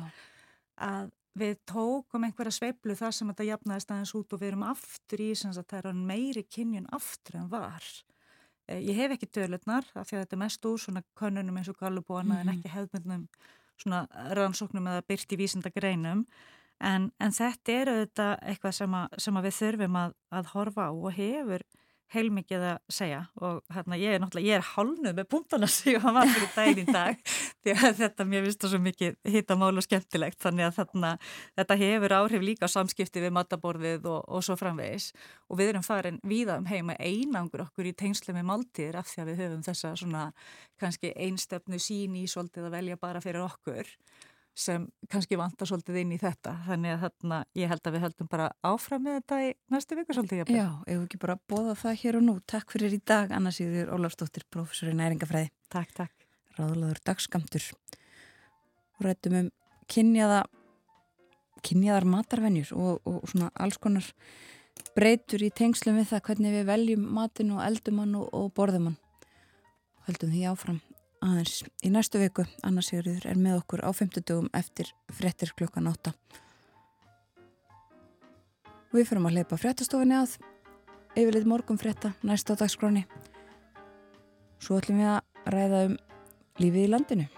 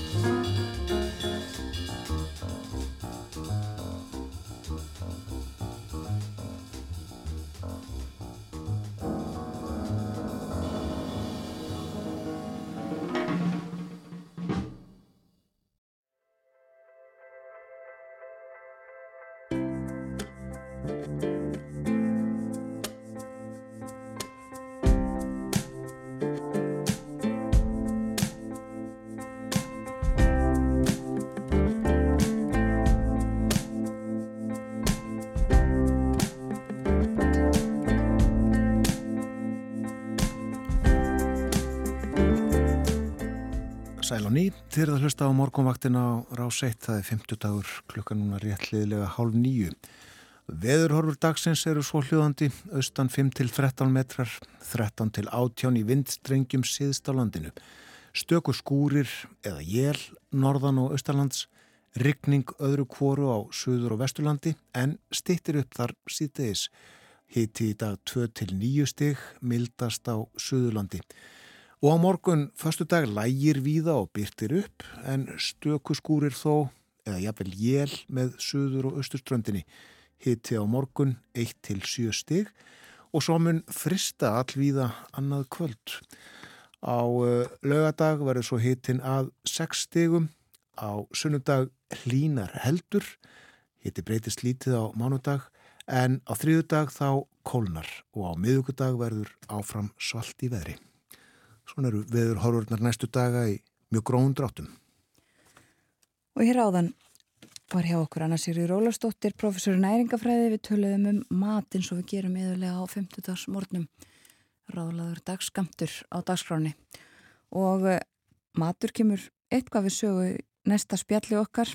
Um, við ætlum að forvitnast næstu mínúturnar um uh, fyrirtæki, rekstur uh, á borgarferði Istri og og það í tengslum við brótættar byggðir. Við rættum fyrir skömmu um uh, þetta fyrirbæri brótættar byggðir rættum um verkefnið á stöðvarfyrði en þetta hefur líka verið starfrækt á borgarfyrði og uh, hjónin Auðurvala Gunnarsdóttir Íþróttafræðingur og Helgi Sigursson Tannlæknir þau hafa undan farin ár tekið þátt í uppbyggingunni á borgarfyrði og uh, meðal annars í tengslum við brótættar byggðir. Þau eru í símanum, bæði tvö. Uh, góðan dag. Góðan daginn. Góðan daginn. Sko, það er og þið ætlið að deila ykkar reynslu og ykkar sögu uh, síðar í dag á, á málþingi þar sem að verið er að fara yfir þetta verkefni, brótættar byggðir. En byrjum bara á því að fá ykkur að, til að segja okkur frá rekstrinum sem að þið standið í og, og, og það sem að þið hafi verið að gera á borgarferðistri. Já, takk fyrir það. Uh, við keftum gamla fristihús að borgarferði uh, 2006 og svona fljóðlepp og því þá svona hófið að, að endur byggja gamla fristihúsið og það má ég að segja að við höfum bara verið í stanslösur uppbyggingu síðan þá. Uh, í dag erum við með uh, hérna, veitingarstað, við erum með íbúðir, við erum með gistuhús, uh, við erum með spa og svo setna meira 2016 að þá kaupum við elsta húsið í að borgarferði sem er gamla kaupfélagið og hérna og, reyn, og raunir sem bara byggjum það alveg nýtt líka endur gerum það og þar eru við í dag með eh, sem sagt brugghús og, og framlegu land og ginn og öllstofu uh, síðan núna í, í júli fyrra þá opnum við nýja byggingu þar sem við erum sagt uh, bætti við til lúksherbyggjum og stakkum spa hjá okkur því að það var eiginlega sprungi hjá okkur. Við byrjum með svona bara lítið og höfum svona sett kemur álverið aðeins að bæta við og opnum þar það sem er með meðferðir og böð og, og hérna já, og út í potta nýja. Já, þetta er heilmikil starfsemi. Já, þetta verður undir mikið upp á sig og, og hérna bætt við sér hverja ári. Já, og sko, hver er tengingin inn í brotthættar byggðir? Því eins og þú segir auður að þá voru þið byrjuð í, í þessu öllu saman og uppbyggingunni fyrir, uh, já, tæpum 20 árum, 2006 uh, og svo kemur þetta brotthættar byggðir verkefni inn og það eru þetta fyrir svona byggðarlög í um, erfiðri stöðu og hættu. Hvernig, hver er tengingin þangað inn? Nú, þegar verkefni byrjar að borgarferði að þá erum við svona farin að hugsa svolítið til framtíðara og, og bæta við reksturinn og, og, og mér fannst bara að taka þátt í þessu verkefni bara stutti svolítið okkar uppbyggingu og þá hugssjón sem að við vorum með hjá okkur að það var til og með svona eitt að trú að skapa störf í þessa, þessu litla byggðalagi mm. og þegar við hefjum uppbyggingu af þessu fyrirtæki að þá var svolítið okkar hugsun að, að styðja við þetta byggðalag sem að sagt, eh, verður svo þáttanlegt í brótættar byggðum. Og, og, og brótættar byggði stuttur líka við einmis brotverkefni sem við, vorum að, að þá byrja með uh, þannig að við höfum verið að ekki bara það séum þetta fyrirtækja þjónustu þá erum við líka heilmikið nýsköpun sem eins og ég sagði brótættar byggðir tóku þátt í mm -hmm. Og hver er svona reynslan af því að fá svona verkefni og, um, og, fjármagn og þetta sem því fylgir inn í svona beðalag? Um, þetta skiptir alveg þó nokkur máli þó upphæðin sem kannski ekki það mikla en, en eins og í okkar tilfelli þá erum við að reyna að búa til heils og störf og þá er þá er svolítið mikilvægt að hafa kannski að breyða skýrskotu, við erum að gera svolítið margt í einu. Við erum alltaf með ferðjónstuna svo með alls konar framleyslu uh, til að tryggja það að fólk getur verið hjá okkur allt árið, annars uh, svo við þetta hérna, fá alltaf nýtt og nýtt starfsfólk hverju ári. Mm. Þessi brota byggðir verkefni hefur fengið styrk með annars í haunum umbúða fyrir hérna, alla framleyslun okkar fyrir bjór og, og stert áhengi. Við fengum við í þróun á, á hérna, gilun okkar og, og hérna eins líka í aðra nýskupur eins og til dæmis taraböðun okkar þannig að við fengið smá stöðning fyrir alls konar hugmyndir og, og þannig að skipta miklu máli fyrir svona aðalega sem er í nýskupun og, og með nýjar hugmyndir að þeir fái fái smá byr í seglinn þegar, þegar maður sér að aðrir hafa, hafa trú á verkefnum. Það skilur sér líka áfram þó að upptæðnis kannski það er stærsta málið. Já, einmitt. Og bara aðstóðina vantanlega við það er mitt að koma einhverju svona laginnar sem er ekki endil alltaf víst að gangi upp eins og bara er í nýsköpun. Já, nákvæmlega, líka bara finna stuðningin í þessu og, og auðvitað kemur þetta eða kemur verkefnum að stað og, og hérna hjálpar okkur að byrja á því og fylgja því eftir. Já, einmitt. Sko, uh, þetta er mikil uppbygging á þessum stað á, á síðustu árum og hvernig er þetta núna, uh, einmitt, að því eins og þú segir Helgi, að halda fólkinu hjá ykkur allt áriðum kring, hvernig er ferðarþjónustan, uh, hvað eru, hvað eru margir að koma þarna og, og, og er fólk farið að koma í auknum mæli allan ásins ring? Um, það má segja að, að þegar við vorum að byrja á sín tíma, þá var þetta búið bara eftir vestmæðhelgina en, en núna er þetta er, er náttúrulega opið alltaf árið en það er svona farið í april, má segja, tíumbil segja april og út oktober uh, síðan fyrir að hægjast á þessu í, í hína mánuðina mm -hmm. en þetta er nú alltaf lengjast og, og, og hérna en þetta er svona eins og með með bræðuna og síman eða er enginn voru spurðar eða okkur er ekki með síma þess að þetta ringir ekki. Þannig að það snýstum það bara á opið og sjá og það var svona tilgangunum með þessu að opið og sjá hvað, hvað það myndi leiða til. Og, og hérna og það er alltaf, alltaf að lengjast tímanbili ár frá ári. Já, akkurat. Og sko þetta er um, rekstur sem þið standið í, þið búið ekki á borgarfyrðið Istri sjálf hvernig kom til að þið fóruð uh, og, og ákváðuð að fara í uppbyggingu þar? Eh, það er nú þannig að eh, móðu mín og, og, og hérna og það er áttu þessi hús á borgarfyrði og við fórum oft þetta við eftir og svo á ég nú svona ég á eftir að vekja þarna það niður eftir mm -hmm.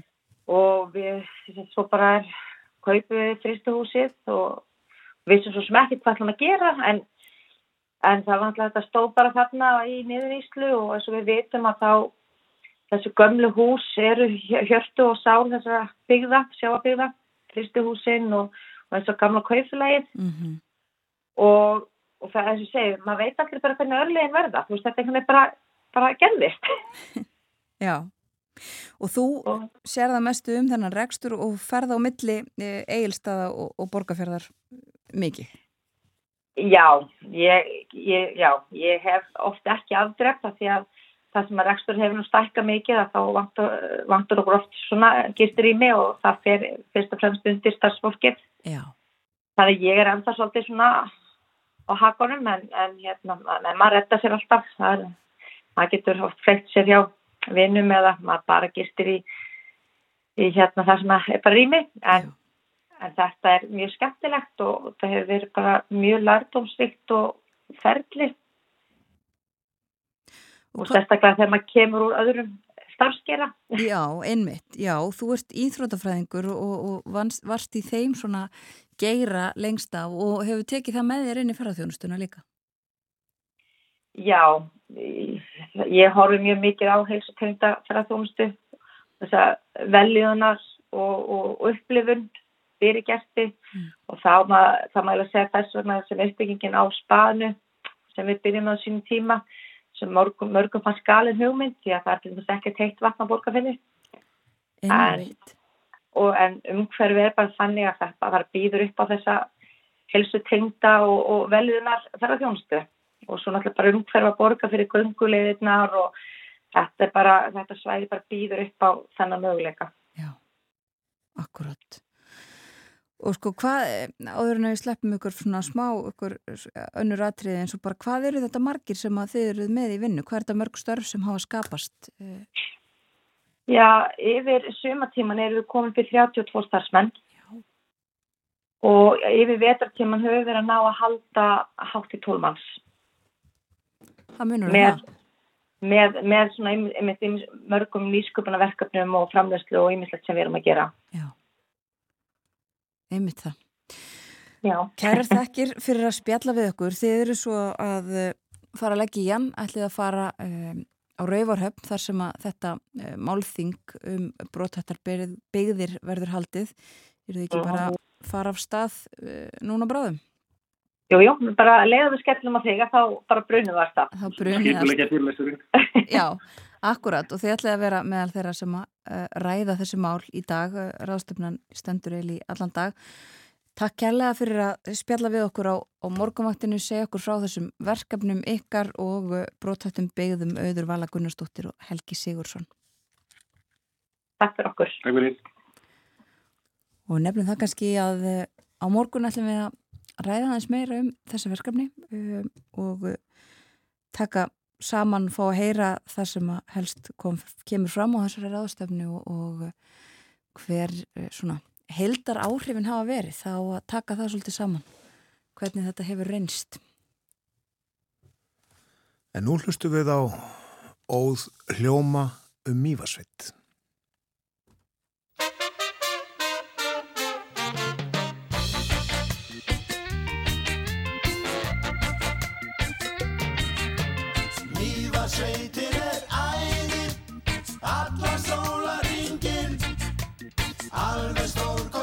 svæði fyrir þennan eða hinn.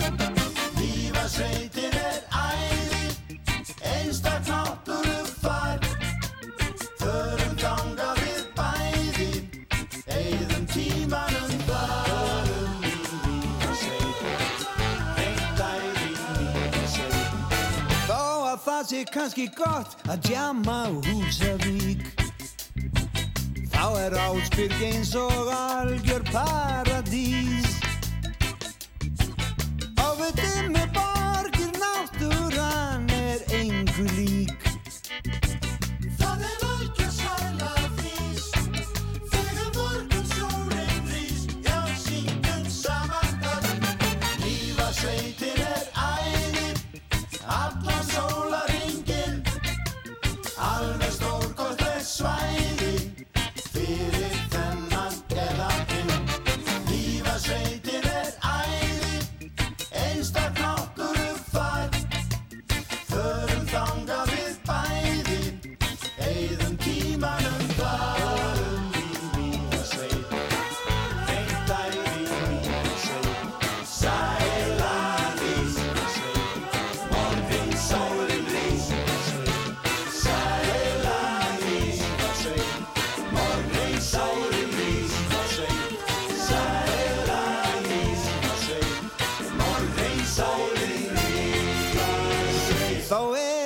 allir sammála um sveitina.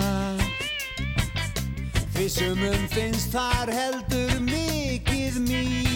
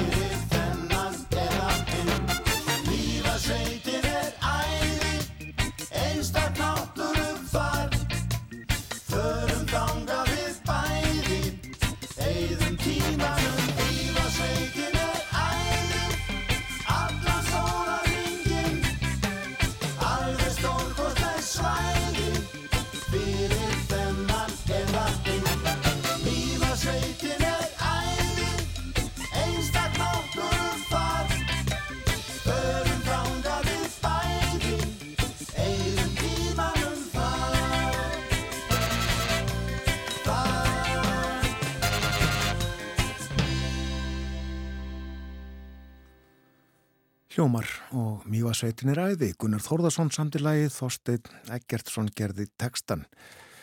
Leikum þetta vegna þess að í dag eru liðin 60 ár frá því að hljómar frá Keflavík komu fyrst fram ofinberlega til leiku á dansleik eða hljómleikum í krossinum í Ytri Njarðvík 5. oktober 1963 og uh, við uh, stiklum á stóru sögurhljóma hér uh, fyrir í morgun og leikum þá tvö lög, lögin bæði af fyrstu plötu sveitarinnar sem kom út 1965 en þetta lag af plötunni sem þau sendu frá sér árið 2003 fyrir 20 árum þá voru 30 ár frá því að platan þar á undan kom út.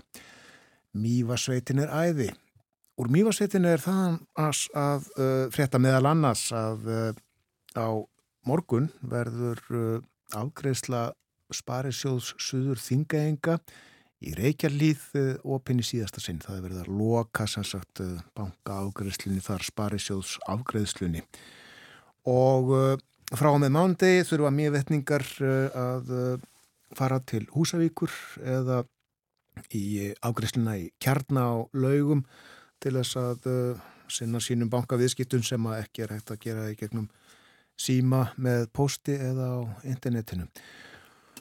Og það er heitt á könnunni í afgreifslinni í dag og á morgun þessar síðustu daga sem að banka afgreifslinni reykja hlýðir opinn.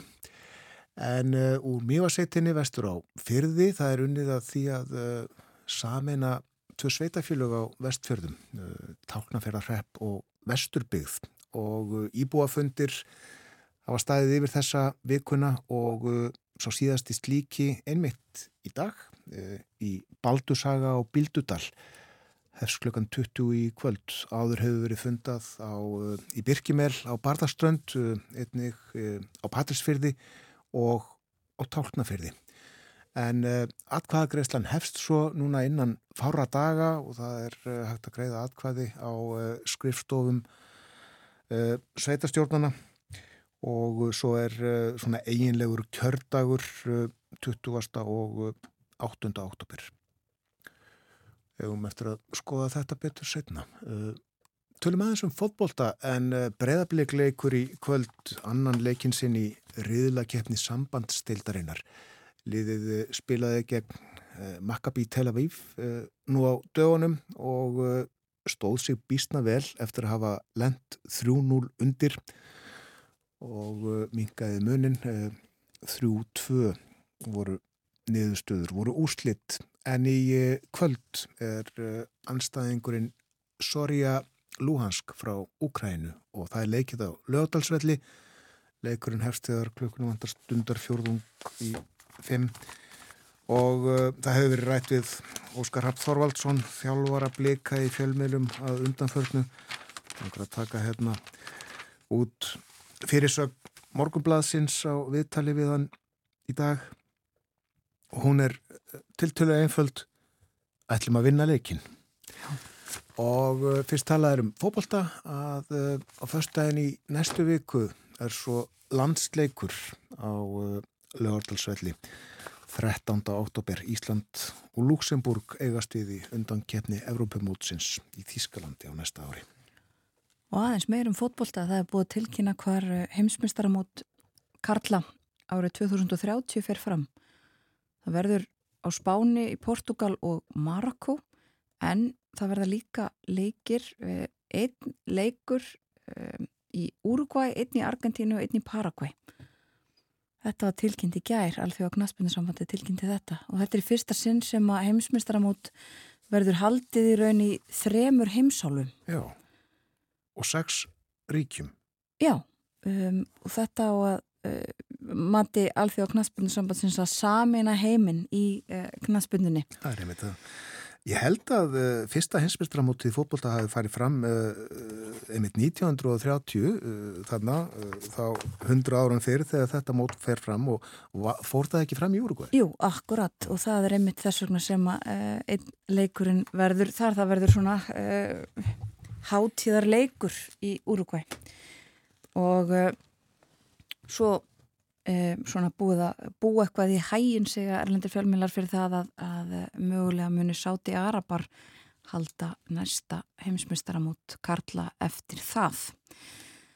En uh, aðeins uh, að því við erum komin í erlendu frettinnar að var einn frett sem að varð uh, afgangs hjá okkur í morgun sem er svolítið merkileg, við tölum svolítið um samgöngumál á Íslandi. Um, tölum um bílana engabílin og uh, það eru frettir af því að það, sem sagt, í Singapúr þá þarf að borga fyrir að eiga bíl. Þar hefur verið mikil, mikil umfrafandi og það þarf að fá uh, heimil til þess að kaupa bíl. Og það var verið að hækka verðið á svona skýrtinni sem að dugar held ég í uh, tíu ár um, og að eiga stóran fjölskyldubíl það kostar núna um, 100 46.000 um, singapúriska dali uh, sem er eitthvað í kringum 106.000 bandreikidali samkvæmt uh, þessu og það eru eitthvað í kringum 14-15 miljónir íslenskar krónu. þetta er dýrasti staðurinn í heiminum til þess að eiga bíl. Singapúr. Já. Þannig að e, þetta er, og það eru tekin alls konar dæmi í, í fréttum á þessu hvaða kostar að eiga hvernig bíl en e, það er eiginlega bara það sameinlegi þessu, það er bara dýrt að eiga hvernig bíl sem er ef maður býr í Singapúr. kom ekki mitt fram fréttir í gær um uh, áformum tekjuöflun í, í uh, ríkisjós og þá uh, engum og vonandi allavega til vegagerðar mm. -hmm. vegna þess, þeirra tekna sem að ríkisjóður hefur orðið af sem ekki hafa fengist uh, með rafbílunum uh, gjald sem er innint uh, með bensínkaupum, olíukaupum Já. og með minnir að það hefur talað um 6 krónur á kilometra Jú, það á að taka gildi um áramót. Já, þetta er þá uh, 120 skall á ári ef ek- eknir eru 20 kilometrar. Einmitt það. Þess að vera ljúka hjá okkur hér á morgunvaktinni. Við höfum setið hér frá því snemma í morgun. Björn Þór og Þórun Elisabeth komið viða við. Fórum í söguna með boga ágúsinni. Rættum um uh, það að um þessa myndir eru 80 ár og þess minnst frá því að uh, danskir gýðingar flúðu flestir til Svíþjóðar í hernámi nazista. Við tölum líka um uh, mat, matarhegðun Fyrst og fremst þó uh, uh, ráðlaða ráðlaðan dagskamt af skiptingu húsverka, Já, já. Anna Sigurður Ólafsdóttir, professor í næringafræði hjá okkur eins og yðurlega á 50 fóru við þessa, eh, þessa niðurstöru þjóðabúlsi Gallup sem sín okkur að, að það er mjög ójöfn skipting þegar kemur að eh, heimilisverkunum ekki síst matagerðinni og undirbúningi matagerðar. Og svo núna eh, í síðasta hluta þáttarins þá rættum við um uppbyggingu á eh, borgarfyrði Istri og brotattar byggðir. Þau voru með okkur í símanum Auður Vala Gunnarsdóttir og Helgi Sigursson sem hafa uh, staðið í mikill uppbyggingu þar. Þau eru núna bruna á Rauvarhöfn þar sem að verður haldið málþingum brotthættar byggðir í landinu. Á morgumvaktinni í dag uh, líka hljómar í 60 ár. Við þakkum samfélgina þennan 50 dags morgunin vonum að þið njótið dagsins. Verði sæl.